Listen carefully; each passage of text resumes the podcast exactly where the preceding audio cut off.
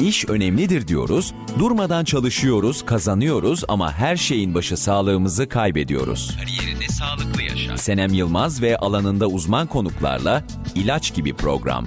Kariyerini sağlıklı yaşa. Değerli konuklarımız, sevgili dinleyicilerimiz, kariyer gelişiminde sağlıklı olmanın, sağlığımızı korumanın ve bunun bir yaşam biçimi haline getirilmesinin öneminden yola çıkarak sizler için her hafta hazırlamış olduğumuz programımız Kariyerini Sağlıklı Yaşaya hoş geldiniz.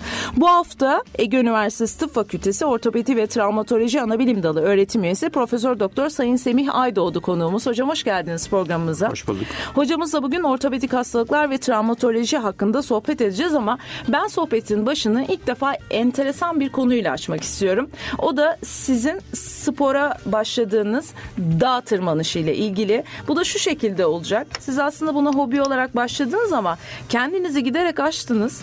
Ege Üniversitesi'nin 60. yıl kutlama çalışmaları kapsamında 5895 metre yüksekliğindeki Kilimanjaro Dağı'na tırmandınız. Önce bunu bize anlatır mısınız hocam? Bu nasıl bir tutkudur? Geç bir tutkudur. Ben e, sporla birlikte yaşadım ama dağ kısmı bunun e, sonradan yaşamıma entegre oldu. E, daha önceki yıllarda çeşitli spor tipleri, e, adrenalini seven kısımlarını da denedim, e, uyguladım. Dağ kısmı e, spektrumumda bir yoktu. Türkiye'de dağcılık e, çok yaygın e, olarak yapılan popüler bir spor değil.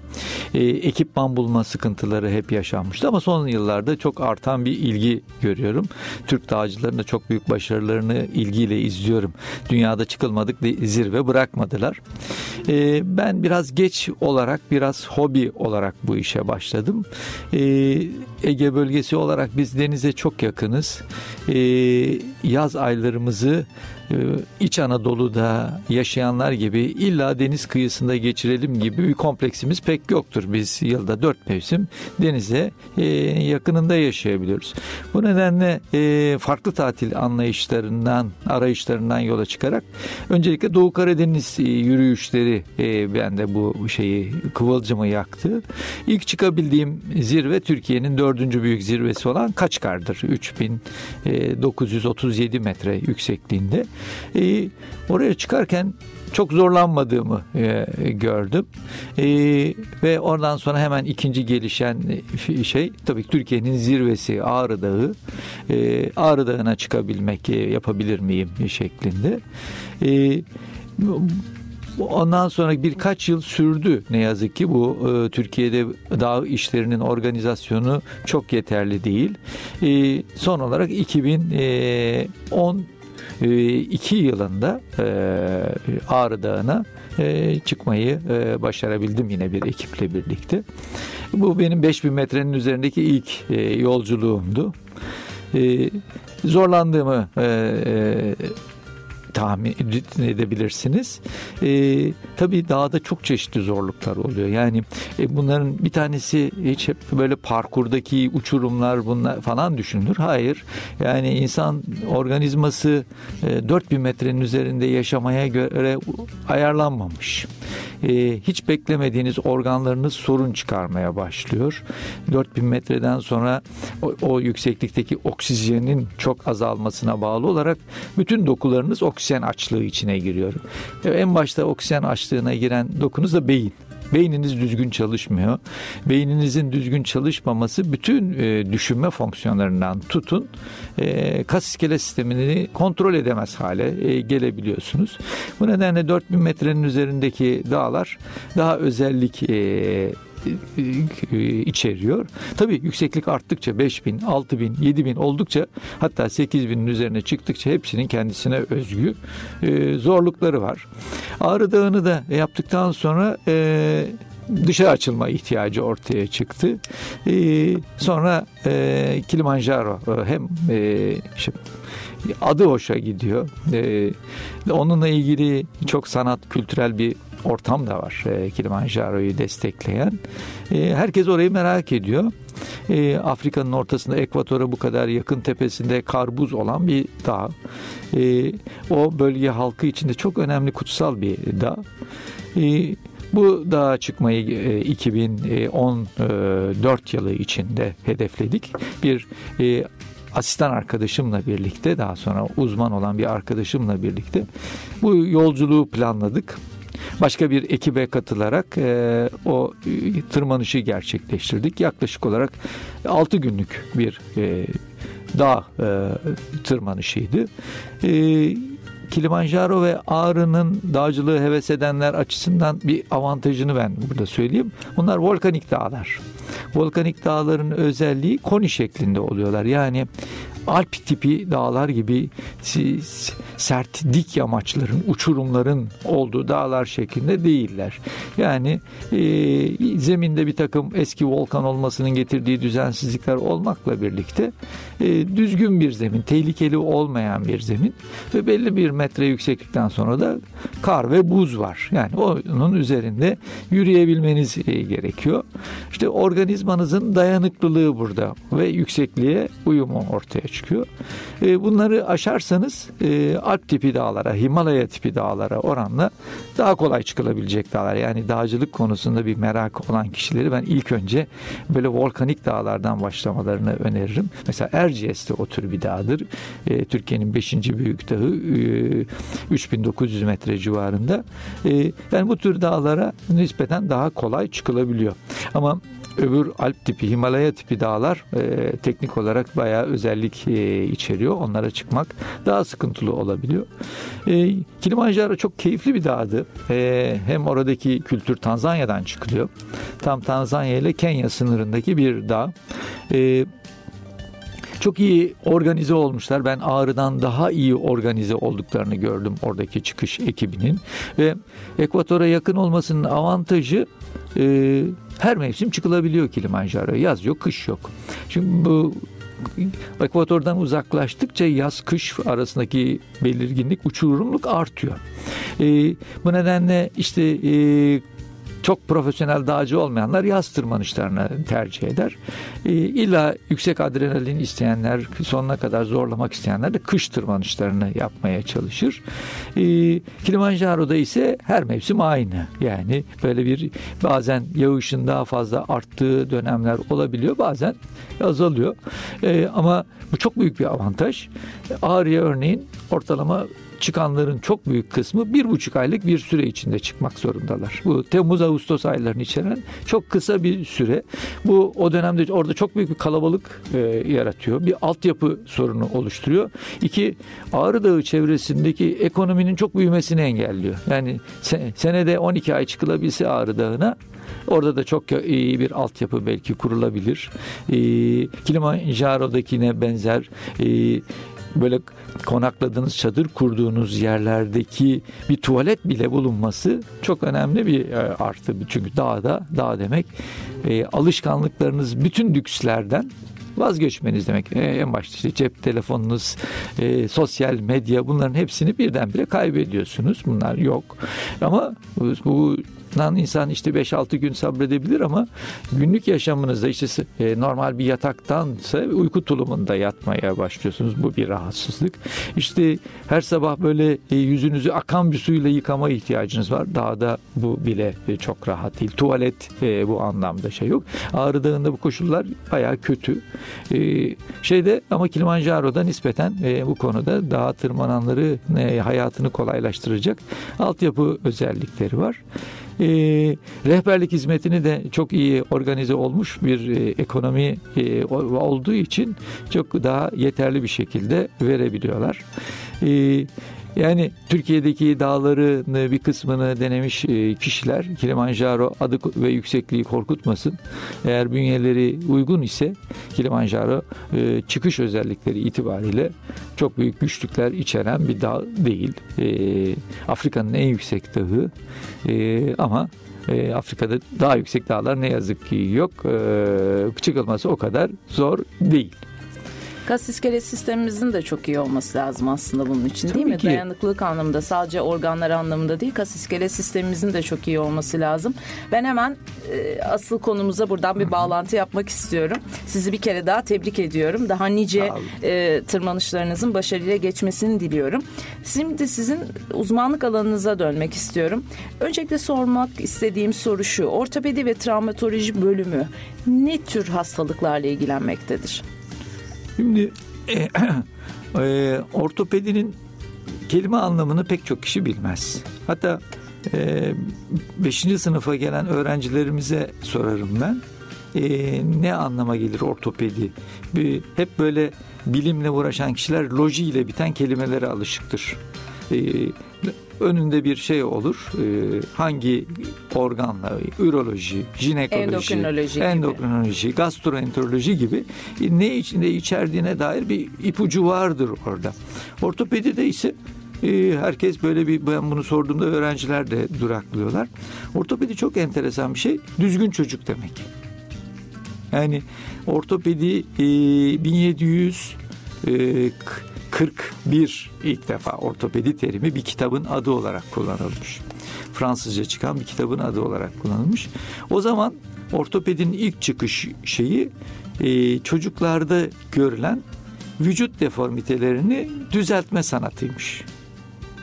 E, sonra e, aradan şimdi yak 250 seneyi geçince bir, çeşitli evrimler geçiriyor en önce işin içine enfeksiyon tedavisi geliyor. 19. yüzyılda e, ortopedik iskelet sistemi hastalıklarının en büyük kapsamı e, osteomiyelitler e, olmuş. O dönemki hekimler e, bununla uğraşmışlar.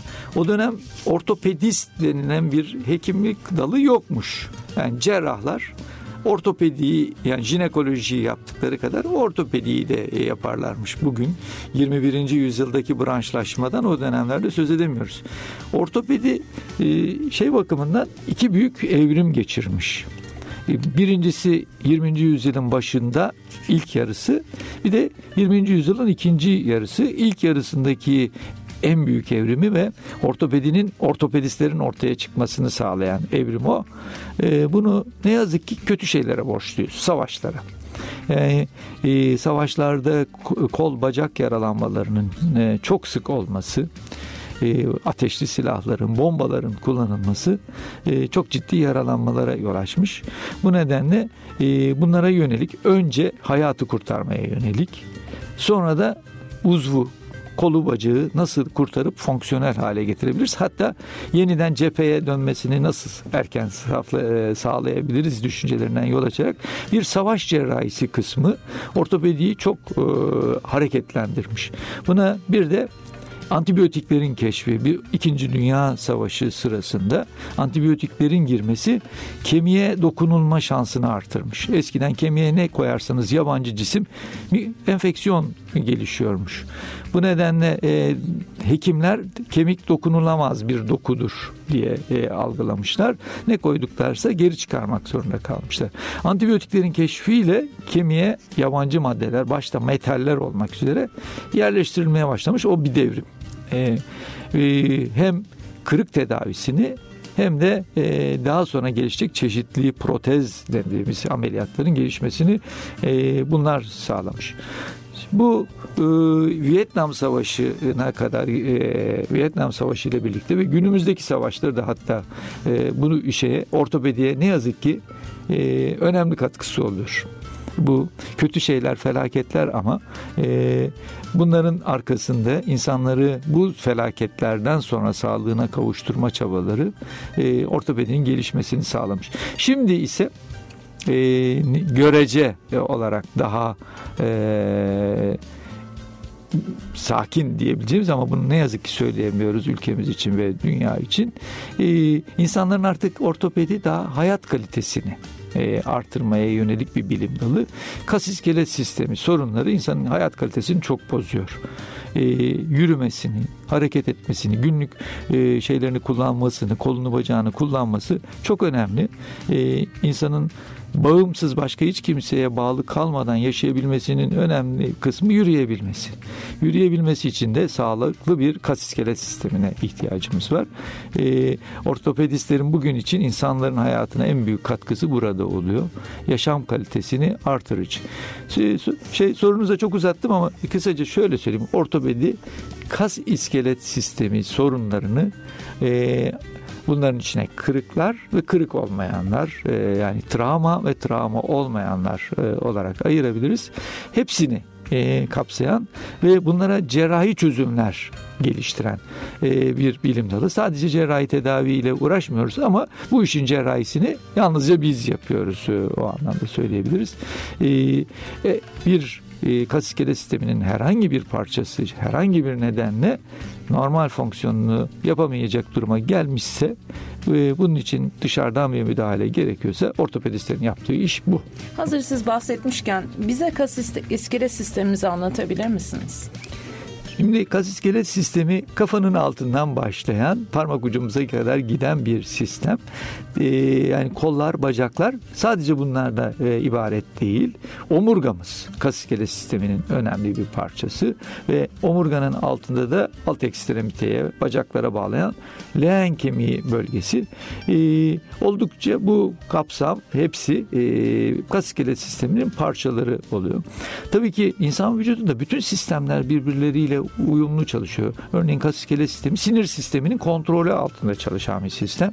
Sinir sistemi hastalıkları orada oradan kas iskelet sistemini etkileyebiliyor. E, bu nedenle tamamen e, bağımsız, otonom çalışan bir sistem değil. Ya da Bacağımız var ama bacağımızda sadece kemik, kas, kiriş, eklemden ibaret değil. Orada da damarlar, orada da sinirler e, var. Yani başka sistemlerin e, parçası olan dokular da var. E, yani Temel olarak biz kas iskelet sisteminin sorunlarını e, ta boyunun altından parmak ucuna kadar olan e, aksiyel e, is diyoruz. E, iskelet, omurga ve yanlardaki ekstremite kısımları, kol ve bacaklar. Bunlar uyumlu olarak çalışması günlük hayatımız açısından e, elzem olan dokularımız bir sürü şeyi bu olmazsa hayatımızı gerçekleştiremeyiz. E, bunu e, yerine getirmemizi sağlayan en önemli e, sistemlerimizden Biraz birisi. kemiklerdeki problemlere girmek istiyorum ben izninizle. Az önce siz konuşmanız arasında bahsettiniz osteoporozdan. Aslında belli bir yaştan sonra osteoporoz sıklıkla karşılaşılan e, aslında kemik kaybının önlenmesi için önceden tedavi yöntemlerinin uygulanması gereken bir hastalık olarak karşımıza çıkıyor. Osteoporoz kısaca nedir ve neden önemlidir? Hangi yaştan sonra daha çok dikkat edilmelidir? Ya da çocukluk çağından itibaren ailesinde osteoporoz öyküsü olanlar nelere dikkat etmelidir? E, osteoporoz halk arasında söylendiği terimiyle kemik, kemik erimesi, erimesi diye adlandırılıyor. E, şimdi osteoporozun e, son yıllarda, 10 yıllarda popüler olmasının önemli bir nedeni e, insan yaşamının giderek uzaması. Yani e, insan yaşamı kısa e, 20. yüzyılın başında insan, ortalama insan ömrü 55 yılmış. O zaman yani insanların osteoporoz olacak kadar süreleri bile yokmuş. Şimdi insan ömürleri TÜİK verilerine göre e, kadınlarda 81 yıl Türkiye'de ortalama 78 yıl erkeklerde de 75 yıl. Yani o 20. yüzyılın başına göre 21. yüzyılda Türkiye rakamları insanlar artık 25 yıl daha fazla yaşıyorlar. Bu bir sürü sistemde sorunların e, ortaya çıkmasına neden oluyor. Çünkü e, hep güzel bir laf vardır. Uzayan insanın gençlik dönemi değil yaşlılık dönemi e, uzuyor. E, tabii insanların yaşlılık dönemine girişindeki kavramlar da değişti. E, Aziz Nesin rahmetli söylermiş bir kitabında e, yazmış Aziz Nesin o zaman 35 yaşında 50 yaşında bir ihtiyar demiş gel zaman git zaman 50 yaşına kendisi gelince onu 60 sonra 70 e, yapmış. Yani e, insan yaklaştıkça o yaşların ileri yaş olmadığını düşünüyor. Bunu tıp da e, katkılarıyla artık 50'li yaşlarda 60'lı yaşlardaki kişilerin çok da aktif olabildiğini görüyoruz. Yaşlı demiyoruz evet, onlara. Yaşlı demiyoruz. Artık bir de yaşlılık kavramı da biraz incitici bulunduğu için yaş alma. Yaş alma evet. Diye olarak tarif ediliyor. Buradaki sorun sorunumuz e, kemik erimesi e, bir yerde kaçınılmaz bir şey. Yani e, insan doğası gereği ölmemek istiyor. Birincisi. ikincisi yaşlanmamak istiyor. Ama ikisi de kaçınılmaz şeyler. bunların doğal bir takım sonuçlarımız var. Örneğin istesek de istemesek de saçlarımız yaş ilerledikçe kararmıyor. Beyazlıyor. İstesek de istemesek de saçlarımız çoğalmıyor azalıyor ve dışarıdan müdahale yapmadıkça. E, o, kemik erimesi osteoporoz da böyle bir şey. İstesek de istemesek de kemiklerimiz belli bir metabolik olgunluk döneminden sonra kayba uğrayacak. Ha biz bunu nasıl yavaşlatabiliriz kaygısındayız. Bazı şeyler hızlandırabiliyor. Kadınlar bu konuda biraz daha şanssız ne yazık ki. Menopoz dönemiyle evet. birlikte. E, hormonal dengesizlikler onları çok daha e, sert etkiliyor. E, kemiği koruyucu hormonların kaybedilmesi e, osteoporoz değişikliklerinin çok hızlı bir şekilde ortaya çıkması gerekiyor. Burada dikkatli olması gereken kişiler tabii ki hormon e, sorunları olanlar, e, erken yaşta e, genital organlarını kaybetmek zorunda olan kadınlar, hormon e, üreten şeyler. Bunlarda özellikle dikkatli olmak gerekiyor.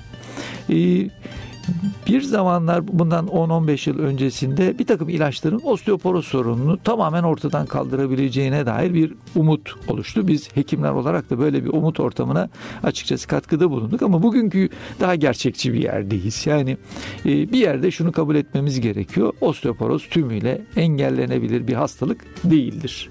Bir kısmı kaçınılmazdır. Kaçınılmaz olan kısmı da kişiden kişiye değişkendir. Yani herkeste aynı tedaviyi uygulasanız da aynı sonucu alamıyorsunuz. Bazı kişiler çok etkileniyor, bazı kişiler az etkileniyor. Risk grubu kişilerin daha e, e, etkin tedavilere ihtiyacı olabiliyor. Burada üç şeyi unutmamak gerekiyor. Bunlar her türlü ilaç tedavisinin ötesinde. E, bir tabii ki güneş ışığı. Yani osteopo her türlü e, ekstradan vereceğimiz ilaçtan çok daha etkili. Düzenli olarak güneş ışığına e, almak e, çok önemli. Ki biz de şanslı bir evet, bölgedeyiz. Çok şanslıyız. Çok şanslıyız. E, ikincisi aktivite.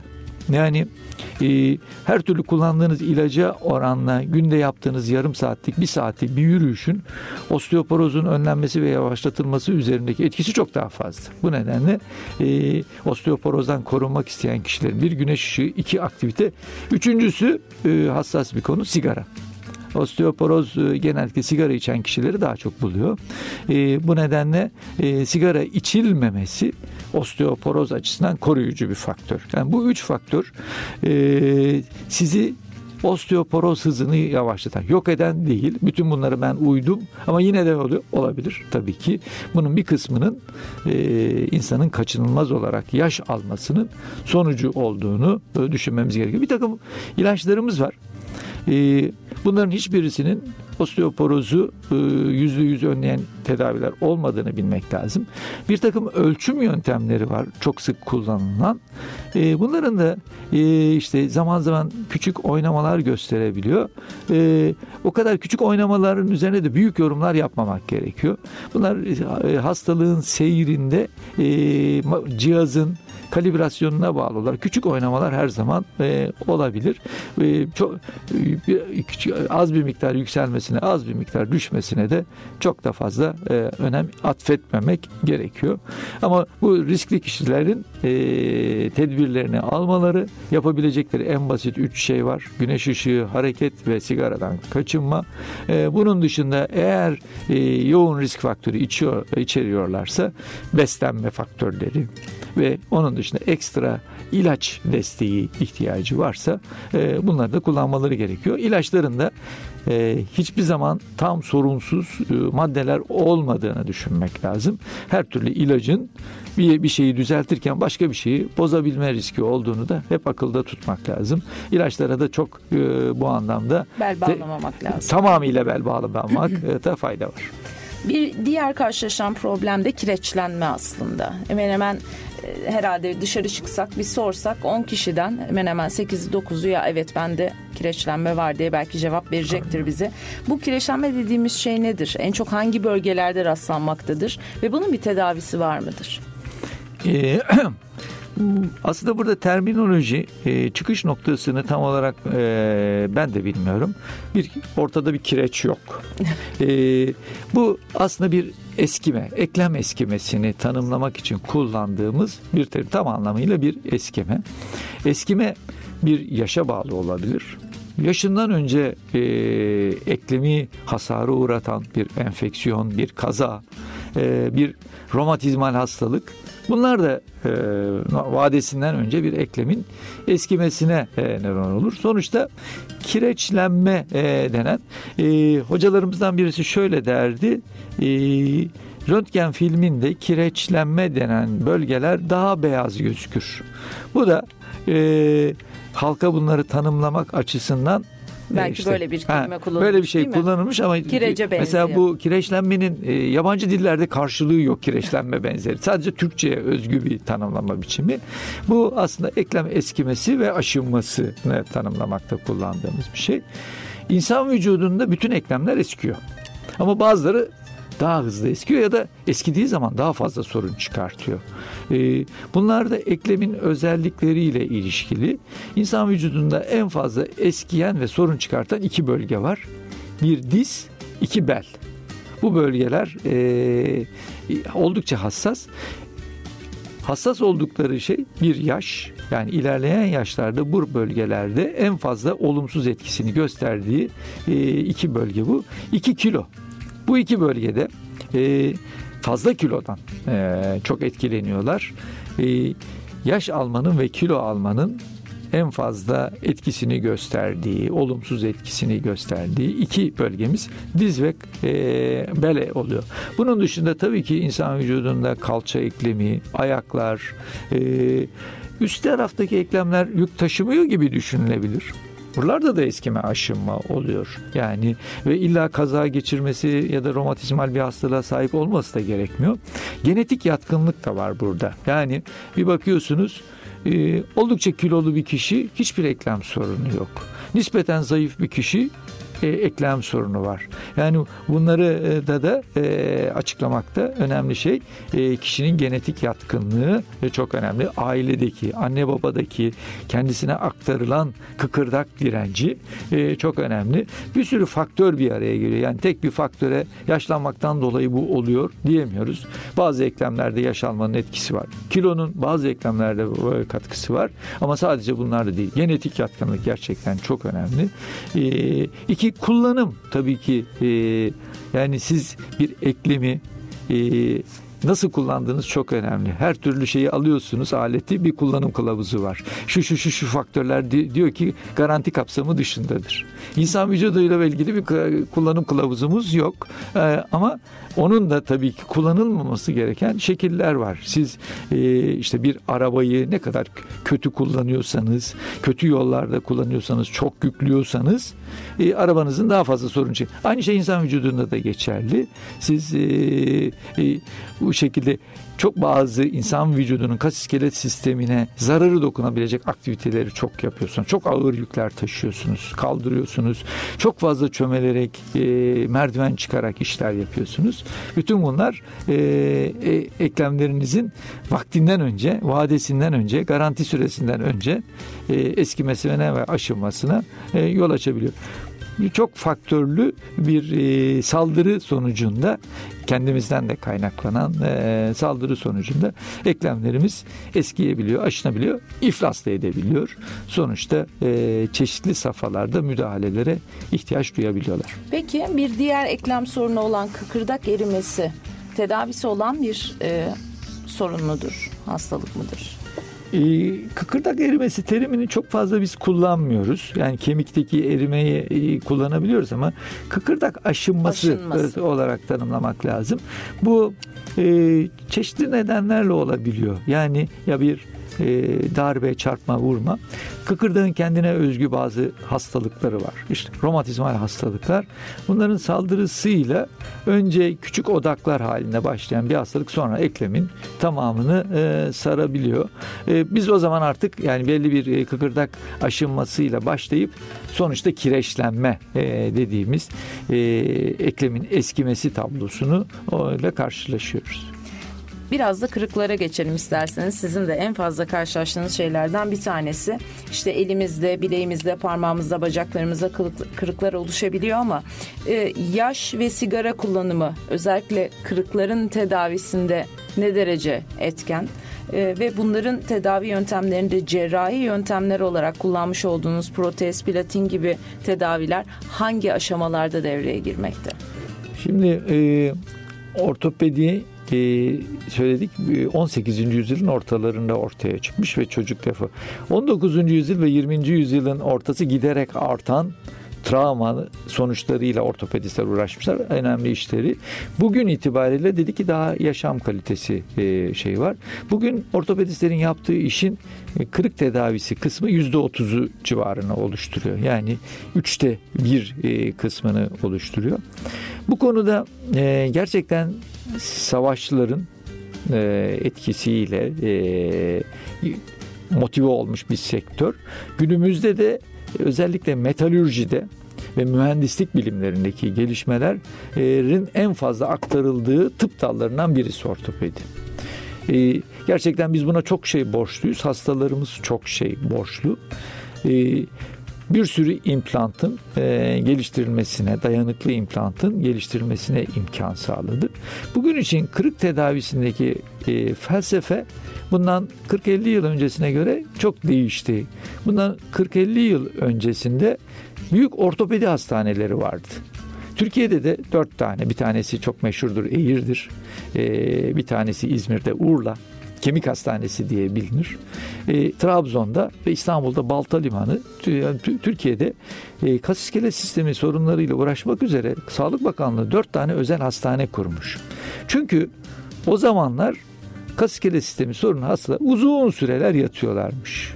Tedaviler uzun sürüyormuş. Aylarca. E, bazen e, traksiyon dediğimiz çekme işlemi yapılarak tedavi görüyormuş bu kırıklar. E, bazen ilaç tedavileri vesaire. Ya, tedavi uzun sürüyormuş. Bugün için e, ortalama yatış süremiz çok azaldı. Bugün için e, genel tıpta da e, insanı bir travmaya uğradığında ya da bir hastalığa uğradığında onu sosyal e, hayatına bundan çalışma, e, ok, e, okul ve spor. Yani bunlara bir an önce eski kapasitesinde geri döndürmek amacımız. Bu ortopedi e, e, yapılan müdahaleler itibariyle de e, erken sonuç alıcı.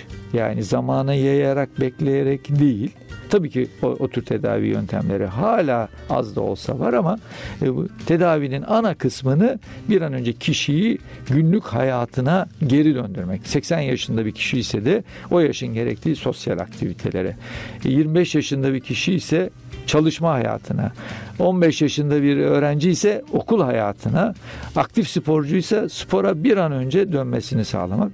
Bu konuda metalürji ve e, mühendislik bilimleri bize gerçekten çok son derece dayanıklı, e, iyileşmeyi çok hızlı bir şekilde sağlayabilecek e, kırık kaynamadan kişinin günlük hayatına girmesini, e, dönmesini sağlayabilecek. Çünkü yükü implant taşıyor. Kişinin e, kırık bacağı e, fazla yük altında kalmayabiliyor.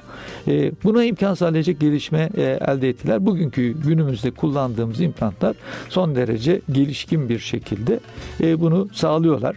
Protezlerde de e, öyle. Kireçlenmenin son safhasında e, artık bir eklem normal işlevini yerine getiremiyorsa onu aynı bir arabanızı e, servise götürdüğünüzde eskimeyen parçalarını değiştirdiğiniz gibi e, doğal olmayan sentetik ürünlerle değiştirebilme şansımız var. Biz burada metaller, bazı özel plastikler, polimerler ve e, seramikler kullanıyoruz. E, Bunların da belli bir tabii ki her arabanızı 10 bin kilometrede bakıma götürür gibi bazı parçalar değiştiriyorsunuz. İnsan vücudunda 10 e, bin bakımına götürebilirsiniz ama sorun varsa e, maalesef ameliyat gerekiyor. Mümkün olduğunca uzun süre dayanıklılığı olan malzemeleri e, işe e, kullanıyoruz. Mühendislik biliminin e, son e, 20-30 yıldaki katkısı bu anlamda bize çok büyüktür. E, bu sayede insanlar çok e, hastanede kalış süreleri oldukça sınırlı kalıp bir an önce çok küçük destekler kullanarak bunlar baston, koltuk deneyi gibi günlük hayatlarına, sosyal hayatlarına dönebiliyorlar. Bu çok önemli bir avantaj. Sigara dediniz. Ne yazık ki sigara hakkında ortopedist biz solunum sistemiyle ilgilenmiyoruz ama bize de etkisi var. İyi şeyler söyleme şansına sahip değiliz. Belki psikiyatristler iyi bir şeyler söyleyebilir sigara hakkında. Nikotinin bütün vücut dokularının iyileşmesini olumsuz etkilediği ne yazık ki gösterilmiş. Bunun içine kırık kaynaması da dahil. E, cildinizin kesildiğinde iyileşmesi de dahil. E, yumuşak dokularınızda aşil tendonunuz e, kopmasına kadar e, kopmasında iyileşme sorunlarına kadar her türlü dokunun bağ dokusu e, içeren her türlü dokunun iyileşmesinde ne yazık ki nikotin e, geciktiriyor. Bu nedenle e, hatta bazı ameliyatlarımızda erken kemik kaynaması gerektiren bazı ameliyatlarımız var. Bu şeyler için, sigara içenler için bu tür ameliyatlar yapılmamalıdır. E, yani bu haktan ne yazık ki onları mahrum etmek durumunda kalabiliyoruz. E, bazı durumlarda da işte e, kırık nedeniyle kırıkların kaynama süresini ne yazık ki geciktiriyor. Nikotin hakkında ortopedistler sigara hakkında söyleyebileceği ne yazık ki pozitif bir şey yok. Süpersiniz. Bu harika mesajdan sonra kısa bir müzik arası vermek istiyorum. Sonrasında spor yaralanmalarına değineceğiz. Ayakkabı seçiminin öneminden bahsedeceğiz. Topuk dikenine ve sinir sıkışmasına değineceğiz. Kısa bir müzik arasından sonra sizlerle birlikteyiz.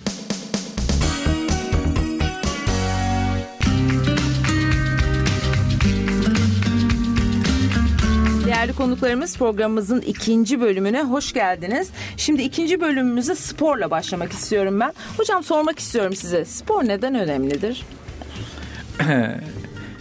spor pek çok konuda e, önemli. Hem bedensel hem ruhsal sağlığımız için. E, bedensel sağlığı kastederken aslında e, e, kas iskelet sisteminin e, iyi bir şekilde çalışması açısından da e, spora ihtiyacımız var. Ama tek yararının kas iskelet sistemini e, iyi ve sağlıklı zinde tutmak olmadığı aşikar. E, spor kas iskelet sistemi aracılığıyla yapmış olmamıza rağmen vücudumuzdaki bütün sistemleri etkiliyor. Yani endokrin sistemimiz, kardiyovasküler sistemimiz, hatta e, gastrointestinal sistemimiz, boşaltım sistemimiz, bütün sistemlerimiz spordan etkileniyorlar. Onların düzenli bir şekilde çalışması e, açısından insan vücudunun düzenli olarak fizyolojik streslere maruz tutulması gerekiyor. E, tabii ruhsal sağlığımız çok önemli bir komponent. sporun insanı bedensel olarak yorabilmekle birlikte ruhsal olarak çok olumlu etkileyebilme e, kapasitesi var. E, pek çok şeyi kafamızdaki yorgunlukları, sıkıntıları atmak açısından en faydalı aktivasyonlardan birisi e, spor. Bu nedenle herkesin yaşamına, yaşamının her e, döneminde e, vücudunun e, özellikleriyle uyumlu bir sporu entegre etmesi gerekiyor. Herkes aynı sporu ya da spor tiplerini yapması gerekmiyor e, vücut tipiniz, sizin istekleriniz ama bir spor tipi olması gerekiyor. Bu bazen bir dans tipi bir aktivasyon olabilir. Bazen daha sert sporlar olabilir. E, herkesin yapabildiği kolay olan sporlar olabildiği gibi güç gerektiren e, sporlar da olabilir. Yani bu özellik ve sizin e, tercihinizle ilişkilidir. Bu tabii ki sporun görünüşteki güzel yanı. Tabii ki her spor bir risk barındırır. Ee, fazla zevk veren e, sporlar daha fazla risk barındırır. Bu nedenle e, adrenalini yüksek sporlarda e, çeşitli riskler vardır. E, risk olmayan spor tipi e, yoktur. Ya bedensel ya e, psikolojik travmaya spordan da uğrayabilirsiniz. E, bu nedenle sporun bu kısmını da unutmamak lazım. Spor yaralanmaları sporun bir parçasıdır. Sporcu sporu yapmak isteyen kişi e, bir kere onlara karşı kendisini ve vücudunu hazır tutması gerekiyor. Spor yaralanmasını önlemenin en önemli yöntemi ona hazır olmak. E, siz işte e, ben Öğrencilik yıllarımda spor yaptım ama ondan sonra iş güç, çoluk çocuk spordan uzun, uzun süre ayak kaldım. Sonra ah 15 yıl geçmiş aradan işte kilolar arttı. E, artık ağrılar hissetmeye başladım. Spor yapmaya başlamalıyım dediğinizde çok tehlikeli bir şey o. E, eski kapasitenizi arayasınız ama vücudunuz eski vücut değil. Bu nedenle e, spora dönmek yine gerekiyor ama burada e, aradaki kaybettiğiniz yılları hesaba katmanız gerekiyor. Daha temkinli bir başlangıç e, yapmanız gerekiyor. Bir de yaşa uygun evet, bir spor. Ona göre spor tipi tercih yapmak lazım. Türkiye'de ne yazık ki e, erkekler arasında her, e, herkes futbol oynamak zorundadır gibi bir şey var. E, Erkekliğin özündendir. Evet. Halı sahalar buna çok büyük katkıda bulundu. E, herkes her mahallede artık spor yapı çok güzel bir şey ama e, şu var spor yaralanmalarının oranını çok arttırdı. Yani e, kontrolsüz bir şekilde e, spora dönen kişiler gerçekten çok yaralanıyorlar. E, ortopedik e, sorunlarla acil servislere e, müracaat etmek zorunda kalıyorlar. Bu nedenle kişinin e, öncelikle vücudunu hazır hale getirmesi, e, ona göre başlangıç göstermesi, zaman ayırması gerekiyor. İşte bir aydır spor e, bir gün yaptım ama bir ay. Bu tehlikeli bir şey. E, her an yaralanabilirsiniz demektir. Yani sporu mümkün olduğunca bir haftadan daha uzun aralar vermeden e, mümkünse her gün haftanın her günü değişik tipten bir spor hep aynı tipten olması şart değil. Bunun içine bazen yürüyüş olabilir, yüzme olabilir, bir spor tipi, koşu olabilir. Ee, bunlardan bir tip spor tipini e, sürekli entegre etmekte e, fayda var. Hazır siz konuya girmişken ben sormak istiyorum. En tehlikeli sporlar hangileridir ve sizin belli başlı karşılaştığınız spor yaralanmaları nelerdir? Çünkü spor yaralanmasında kişinin o yaptığı sporla ilişkili olarak hazır bulunuşluğunun olması lazım demiştiniz. Sizin karşılaştığınız belki bilinçli olmamaktan kaynaklanan, belki de dış etkenlerden kaynaklanan kişi kendisini ne kadar hazır bulunmuş hissetse de ya da bu konuda bilgi sahibi olsa da karşılaştığınız spor yaralanmaları neler hocam? Ee, şimdi en tehlikeli sporlar spor olup olmadığı biraz da tartışılabilir. Adında spor dövüş sporları. Yani bir insanın bir başka insanın e, vücuduna zarar vererek e, başarı elde etmesi temelli bir şey. Ha burada bedensel bir zarar verilmiyor deniyor ama iki insanın birbirine Büyük yumruklarla e, girişmesi spor olarak Hem de bir koruma olmadan evet. değil mi? Büyük Şeyde. bir travma sonuçta. E, bu tür sporlardaki yaralanma biçimleri bütün vücut işte kafadan tutun e, her yere kadar ciddi yaralanmalar e, olabiliyor. E, bunun bu tür sporların izleyicileri farklı bir izleyici psikolojisine sahip. E, o, o psikolojideki kişiler başka sporlarda da bu tür dövüş aktivasyonlarının olmasını isteniyor. Örneğin bir tane Amerikan futbolu diye var. Amerikan futbolunun azı futbol çoğu dövüş e, şeklinde olan bir aktivasyon. Yani insan bedenine e, zarar verebilecek aktivasyonlar bunlar. E, tabii ki bunların federasyonları var, yaralanmaları önleyici bir takım regülasyonları var, sporcuyu korumak vesaire. E, ama bunları tam olarak e, koruyabildiğini söyleyemeyiz. Bugün için Türkiye'de en fazla spor yaralanması futboldan oluyor.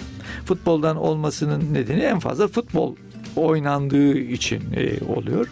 Ha, e, çoğu kişinin bunu gerekli korunma önlemleri e, olmadan yapmasından da kaynaklanıyor. E, e ama bunu sık görüyoruz. Sık görülen e, yap şeyler, yaralanmalar hangisi? En fazla bir direkt darbeler sonucu yani bir tekme yiyorsunuz. Eğer bir şeyse e, rakibiyle mücadele şeklinde bir e, sporsa e, gelin vücut direkt darbeler en fazla olan yer. Bunlar Allah'tan çok ağır şeyler değilse kolay iyileşebilen şeyler. Bundan sonra e, takım sporlarında futbol, basketbol, voleybol e, ve bazı e, hareketli sporlar örneğin tenis, kayak e, bunlarda en fazla yaralanan bölgemiz diz. Diz e, spor yaralanması bakımından şanssız bir eklem.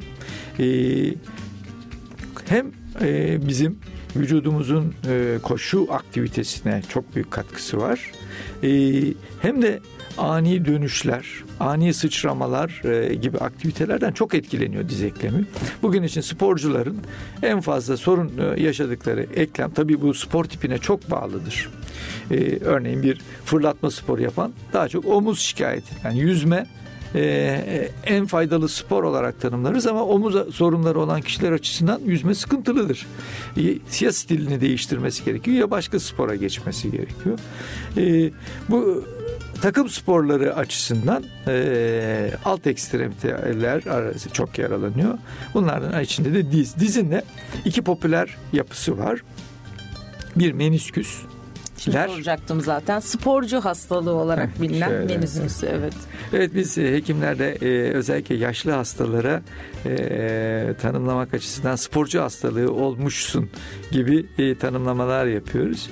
E, Menisküsler dizin çok popüler yapıları. Ne yazık ki biraz dizin olağan şüphelisi muamelesini görüyorlar. E, dizin 15 santim üstünden 15 santim altına kadar bütün ağrılı problemlerde menisküsler suçlanma gibi bir kolaycılığımız da var bizim. Ee, yeni gelişen görüntüleme yöntemleri ne yazık ki menisküsün aleyhine çalışıyor.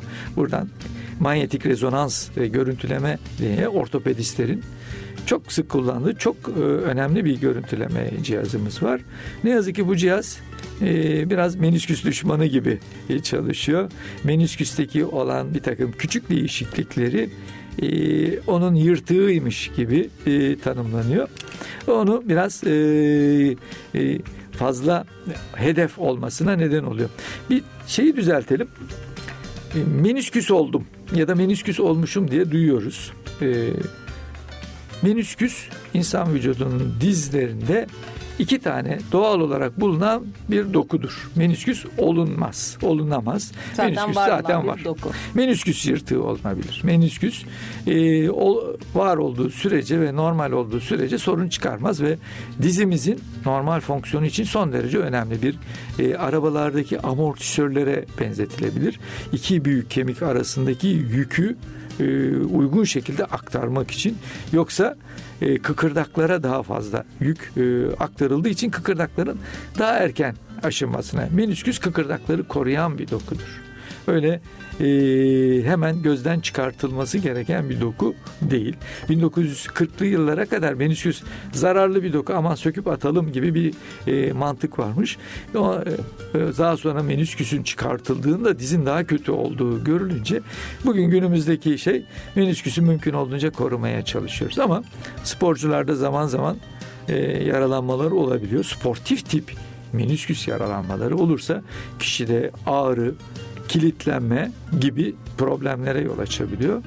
E, bunlarda da mümkünse menisküsün çıkartılması değil de tamir edilerek kullanılmaya devam edilmesi e, şeyi geçerli.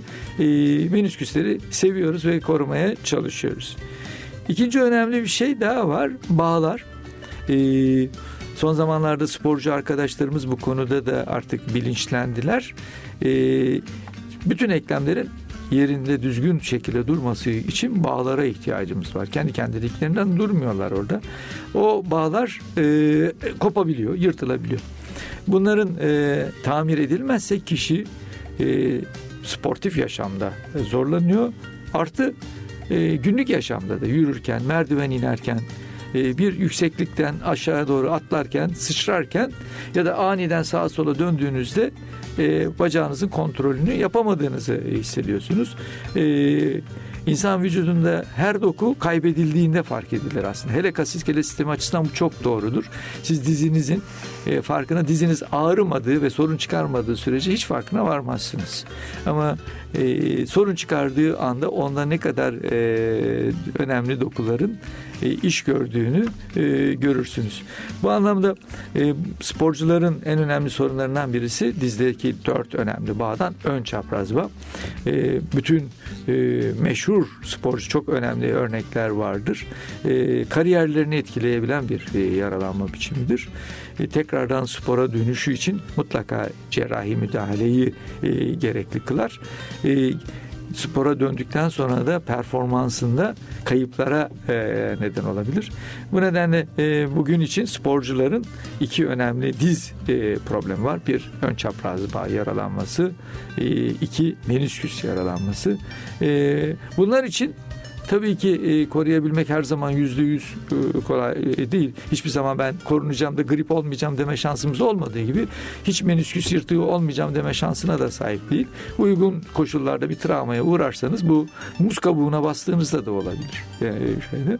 E, e, bunlara karşı sizi en şey tutacak şey bir reaksiyon zamanınızın geniş e, uygun tutulması. Yani bir şey olduğunda e, e, vücut kaslarınızın hemen ona tepki verebilmesi. Bu geliştirilebilir bir özellik. Ee, bunun için de düzenli olarak bir takım sportif aktiviteler yapmanız gerekiyor. İşte dönüşleri olan, sıçramaları olan aktiviteleri e, zaman içinde yapabilmeniz lazım. Ki maçlardan önceki evet. ısınmalarda aslında bunun için değil mi? Bir anlamda kasları harekete geçirebilmek, o dinamizmi sağlayabilmek değil mi?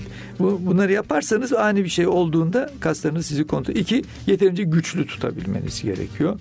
Ee, eğer bu iki faktörü de yapmadıysanız o zaman e, bu dokularınız kolaylıkla yaralanabiliyorlar ve daha sonra sizi çok sevdiğiniz spordan ve günlük hayattan belli bir süre e, alıkoyabiliyorlar. Sinir sıkışması nedir hocam? O da çok karşılaşılan bir şey ve bununla bağlantılı olarak da ganglion kisti olabiliyor. Bunu da biraz açıklayabilir misiniz bize? Ee, insan vücudunda e, bütün sinirler e, omurilikten çıktıktan sonra işte e, gövdenin içinde ya da kol ve bacakların içinde e, seyrederler. Bunlardan e, bazıları e, uzun yollar kat eder. E, uzun yollar kat ederken de çeşitli yollardan, kasların, kemiklerin kenarlarından e, geçerler. E, bazı yerlerde oldukça dar e, boşluklar içinden hareket etmeleri gerekir. E, çevrelerini saran kılıflar vardır. E, bunlar çeşitli nedenlerle e, bu kılıflar kalınlaşırsa sinirin geçtiği kanala baskı yapabiliyorlar. Bu nedenle sinire baskı yaptığında e, biz onu bir ağrı, iki uyuşukluk karıncalanma olarak duyuyoruz. E, yani sinir e, duyu iletimini, duyu iletiminin içinde normal hissetmek, iki ağrıyı hissetmek var. E, yani bu e, onların hepsini e, beyne aktaran bu küçük sinirler e, oluyor. Bu sinirler e, herhangi bir nedenle bir baskı altında kalmışsa bu olabiliyor. En sık gördüğümüz şey el bileğinde. Yani e, el parmakları özellikle baş parmak tarafındaki üç parmağın uyuşması çok popülerdir. E, karpal tünel sendromu diye adlandırılır. Sinir sıkışmalarının en önemli bir nedenidir. E, e, el bileğinde el bileğinin e, kılsız tarafında e, ki bir kılıf vardır sinirin altından geçtiği. O kılıfın El bileğimizi çok zorlarız günlük işlerde. Özellikle kadınlarda e, çamaşır, bulaşık aktivasyonları, e, erkeklerde de bileği çok kullandıran aktivasyonlar o kılıfın e, tekrarlayan travmaya maruz kalmasıyla kalınlaşmasına neden olur. Kalınlaşınca da sinirin normal iletimi gerçekleşmediği için böyle uyuşuk. Tek örnek tabii ki el bileğinde ve karpal tünel değil. Dirsekte de var bunun örnekleri. Sinirin geçtiği bütün yol boyunca e, olabilme imkanı var ama bazı bölgeler popülerdir. E, alt ekstremitede de bacaklarda da var ayaklarımızda, e, parmaklarımızda e, sinirin sıkışabileceği bazı özel sinirlerin sıkışabileceği ulaşabileceği yerler var. Hepsinde özel ağrılar, elektriklenme duyguları, karıncalanmalar, uyuşukluklar olarak belli bir yerde ama e, kendisini gösterebilen e, hastalıklardır bu sinir sıkışmaları. Ayakkabı seçimine geçmek istiyorum. Aslında siz ortopedistlerin bize hep önerdiği sağlıklı yaşam için çünkü tüm ağırlığımız ayaklarımızın üzerinde aslında kemiklerimizin üzerinde ama ayakkabı seçiminin çok önemli olduğunu söylersiniz. Hem çocuklarda hem de yetişkinlerde ama biz maalesef işte modaya uymak adına e, bu sağlığı elden bırakıyoruz. Sizi evet. çok dinlemiyoruz aslında. İşte çok sivri burunlu şeyler giymeyin. Ayağınızdan işte bir yarım numara daha büyük bir şey alın ki ayağınız rahat etsin, parmaklarınız sıkışmasın gibi. Ya da ortopedi ortopedik tabanlı bir ayakkabı tercih edin diyorsunuz ama işte çok yüksek puntlu topuklu ayakkabılar olmasın diyorsunuz ama biz maalesef bunlara moda uğruna çok uymuyoruz. Ee, hazır sizi de bulmuşken bizi bu konuda biraz uyarabilir misiniz? Bize doğru yolu gösterebilir misiniz daha doğrusu? Hiçbir işe yaramayacağını bilerek e, bazı şeyler olsun, söylerim. kulağımıza küpe olsun. E, ne yazık ki e, ayak fizyolojisi bugün e, kullanılan kadın ayakkabılarını e, çoğunu reddediyor. E, ama bizim önerdiğimiz ayakkabıları da kadınlar reddediyor. E, Karşılıklı bir red söz konusu. söz konusu. Burada biz kazanamıyoruz, modacılar kazanıyor. E, yüksek topuklu e, ayakkabılar e, sadece ayak bileği eklemini değil, e, diz eklemini de çok zorlayan e, aktivasyonlar. E, tabii yaralanabiliyorsunuz vesaire ama e, yaralanmasa bile diz ve e, ayak bile ekleminin üzerinde e, uzun süre kalındığında yüksek to- topuk ne kadar yükselirse o kadar diz üzerinde olumsuz etkisi var. Daha kolay yoruluyorsunuz, dengeyi sağlamanız daha zorlaşıyor. Bu ayakkabı ile ilgili birinci problemimiz. Ayakkabıları ha buradan şu sorun da çıkmasın. Tamamen dümdüz tabanlı bir ayakkabı giyilmesi. O da sağlıksız. O da değil. Aşil tendonunun çok gerilmesine neden oluyor. Bu nedenle aşil tendonunu bir miktar rahat bırakacak şekilde e, iki maksimum üç parmak yüksekliğindeki bir topuk e, fizyolojik açıdan ideal ama bu her zaman fizyoloji sınırlarında kalamıyoruz. İki ön taraf erkeklerde bu konuda daha rahatız. Biraz daha bol ayakkabılar giymelerini temin edebiliyoruz. Yuvarlak burunlu sizde evet, de. Ama kadınlarda çok sıkıntılıyız. Ee, kadınlar çok büyük acılar çekmeyi de göze alarak ne yazık ki e, daha göze hoş görünen ayakkabıları tercih ediyorlar. E, ayak deformasyonlarının başlamasında bunun çok büyük etkisi yok ama ilerlemesinde e, ne yazık ki katkısı var. Ayaklarda böyle e, baş parmakta özellikle çarpıklıkların ortaya çıkmasında ayakkabı giyilmesinin önemli e, yeri olabiliyor. Dikkat etmek gerekiyor. E, bir de e, ne kadar düzgün kalıp gibi duruyorsa sert bir malzemeden yapılmış ayakkabı e, o zaman daha göze hoş gözüküyor. Ama ne yazık ki fizyoloji açısından bu da uygun değil. Daha esnek bir malzemenin olması gerekiyor ki ayağınız rahat etsin. Ee, burada ne yazık ki rahatlıkla görünüm arasında bir ters orantı var. Estetik kaygılarımız evet. ön planda evet. oluyor değil mi? Onu da hesaba katmamız lazım. Estetik kaygıları göz önüne alarak ne kadar e, fizyolojiye yaklaşabiliyorsak orada. Çocuklar için bir şey söyleyeyim. E, 70'li 80'li yıllarda ortopedik ayakkabılar ve botlar çok popülerdi dünyada. E, hatta e, çocukların içe basma sorunları e, erken yaşta çok sık karşılaşılan bir problemdir. Götürüldüğünde otomatik olarak e, onlara bu tür botlar yazılırdı. Hatta yazmaz yazılmazsa anne babalar bundan çok rahatsız olurlardı e, ve kendi olanaklarıyla bu tür ayakkabıları temin etmeye çalışırlardı. Şimdi e, yapılan bilimsel çalışmalar şunu gösteriyor.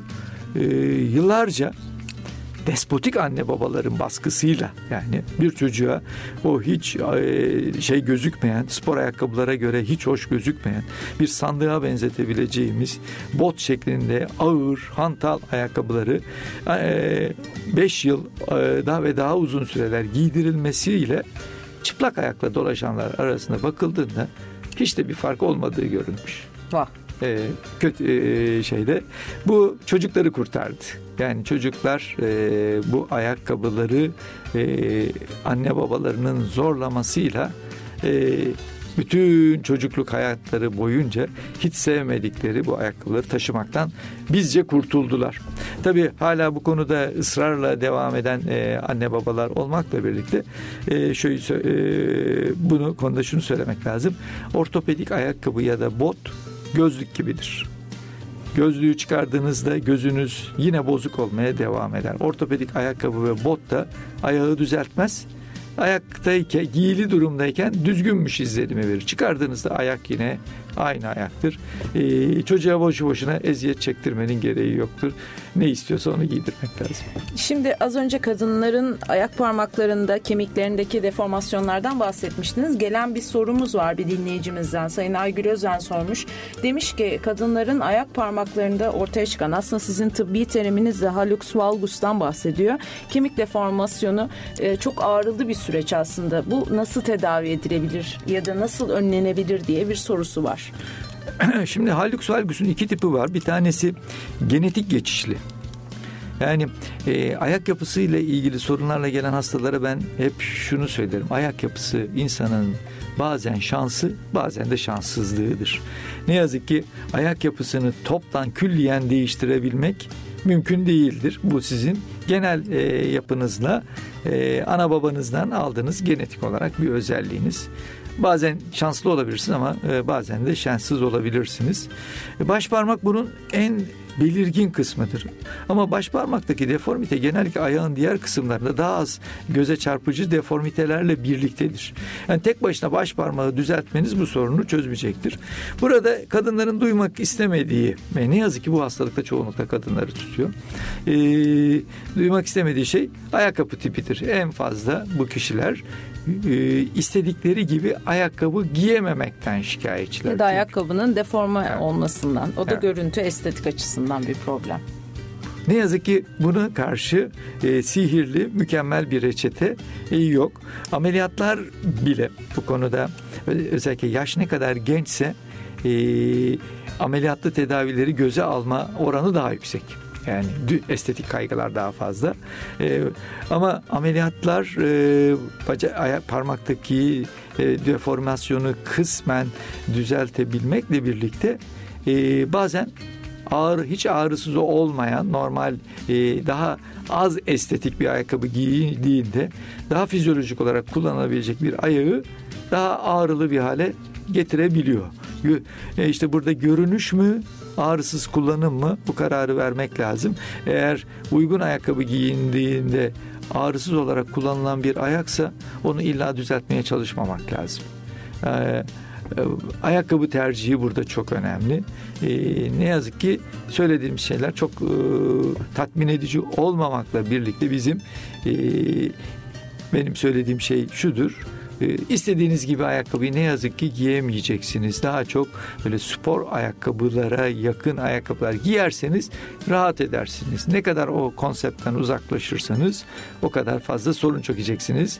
E bunun tercihi size kalmış diye e, söylemek lazım. Son sorumuzu yine bir dinleyici sorusuyla e, aktarmak istiyorum size. Sayın Erhan Özen sormuş. Topuk dikeni günlük hayatımızı çok olumsuz etkiliyor. Yine istediğimiz tip ayakkabıyı giyemiyoruz. Sürekli bir ağrı ve sızlanma içerisindeyiz. Topuk dikeninin tedavisi var mıdır? Ya da tedavisi yok ise süreci nasıl daha rahat şekilde atlatabiliriz? Tedavisi var tabii ki. E, çeşitli tedavileri var. E, şikayetlerin e, ağırlığı ve daha önceki tedavi yöntemlerine cevabına göre basitten e, komplikeye doğru giden bir şey var. Şimdi aslında topuğumuzda bir diken yok. O da ee, kireçlenme gibi değil mi? Evet.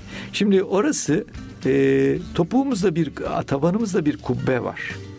E, bir yay gibi düşünün. Bunu tutabilmemiz için kubbeyi kubbenin e, tabanlarının arasında gerilmiş bir bandımız var.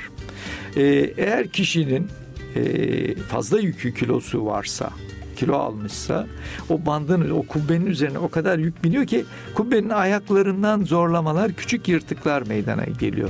Kubbenin ayaklarından bir tanesi topuğumuz. Bir tanesi de ön tarafta parmaklarımızın olduğu yer. Ee, ama arka tarafta tek bir noktaya yapıştığı için oradan meydana gelen küçük e, yırtılmalar, kanamalar ve üzerine e, kireç çökmesi e, halk arasında e, terimiyle orada zamanla bir mahmuz oluşturuyor. Tek, aslında e, sorunu yaratan şey o, o bandın zorlayan faktör aslında ağrı yapıyor. Dikenin kendisi röntgen olarak görülebiliyor ama oradaki bir problemin e, dolaylı olarak ifade edilmesinden başka bir şey değil. Yani ayak yapısında bir sorun var. Bu yay sistemi üzerinde aşırı bir yük biniyor. E, yay sisteminin tabanları arasında e, bir e, şey var.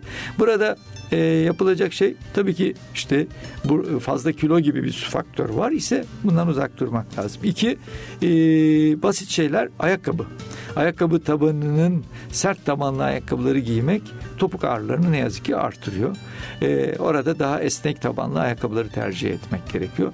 Bazen o bölgeye konulabilecek tabanlıklar, topukluklardan e, kısmen faydalar elde edilebilmesi mümkün.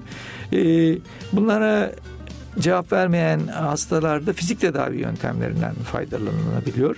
Oraya uygulanacak ultrason ve diğer fizik tedavi yöntemleri o bölgedeki ağrıyı belirli süreler rahatlatabiliyor.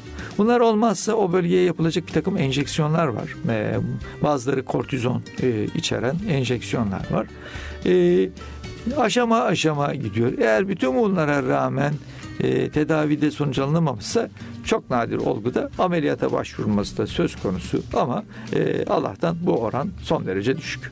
Verdiğiniz bilgiler için çok teşekkür evet. ediyoruz. Değerli dinleyicilerimiz bugün konuğumuz Ege Üniversitesi Tıp Fakültesi Ortopedi ve Travmatoloji Anabilim Dalı öğretim üyesi Profesör Doktor Sayın Semih Aydoğdu'ydu. Ortopedik hastalıklardan hocamızla bahsettik. Kariyerinizi sağlıklı yaşayacağınız güzel bir hafta diliyoruz. Yapımda ve yayında emeği geçen tüm arkadaşlarım adına önümüzdeki hafta farklı bir konu ve konuğumuzla sizlerle buluşmak dileğiyle iyi haftalar. Sağlıklı yaşayın efendim.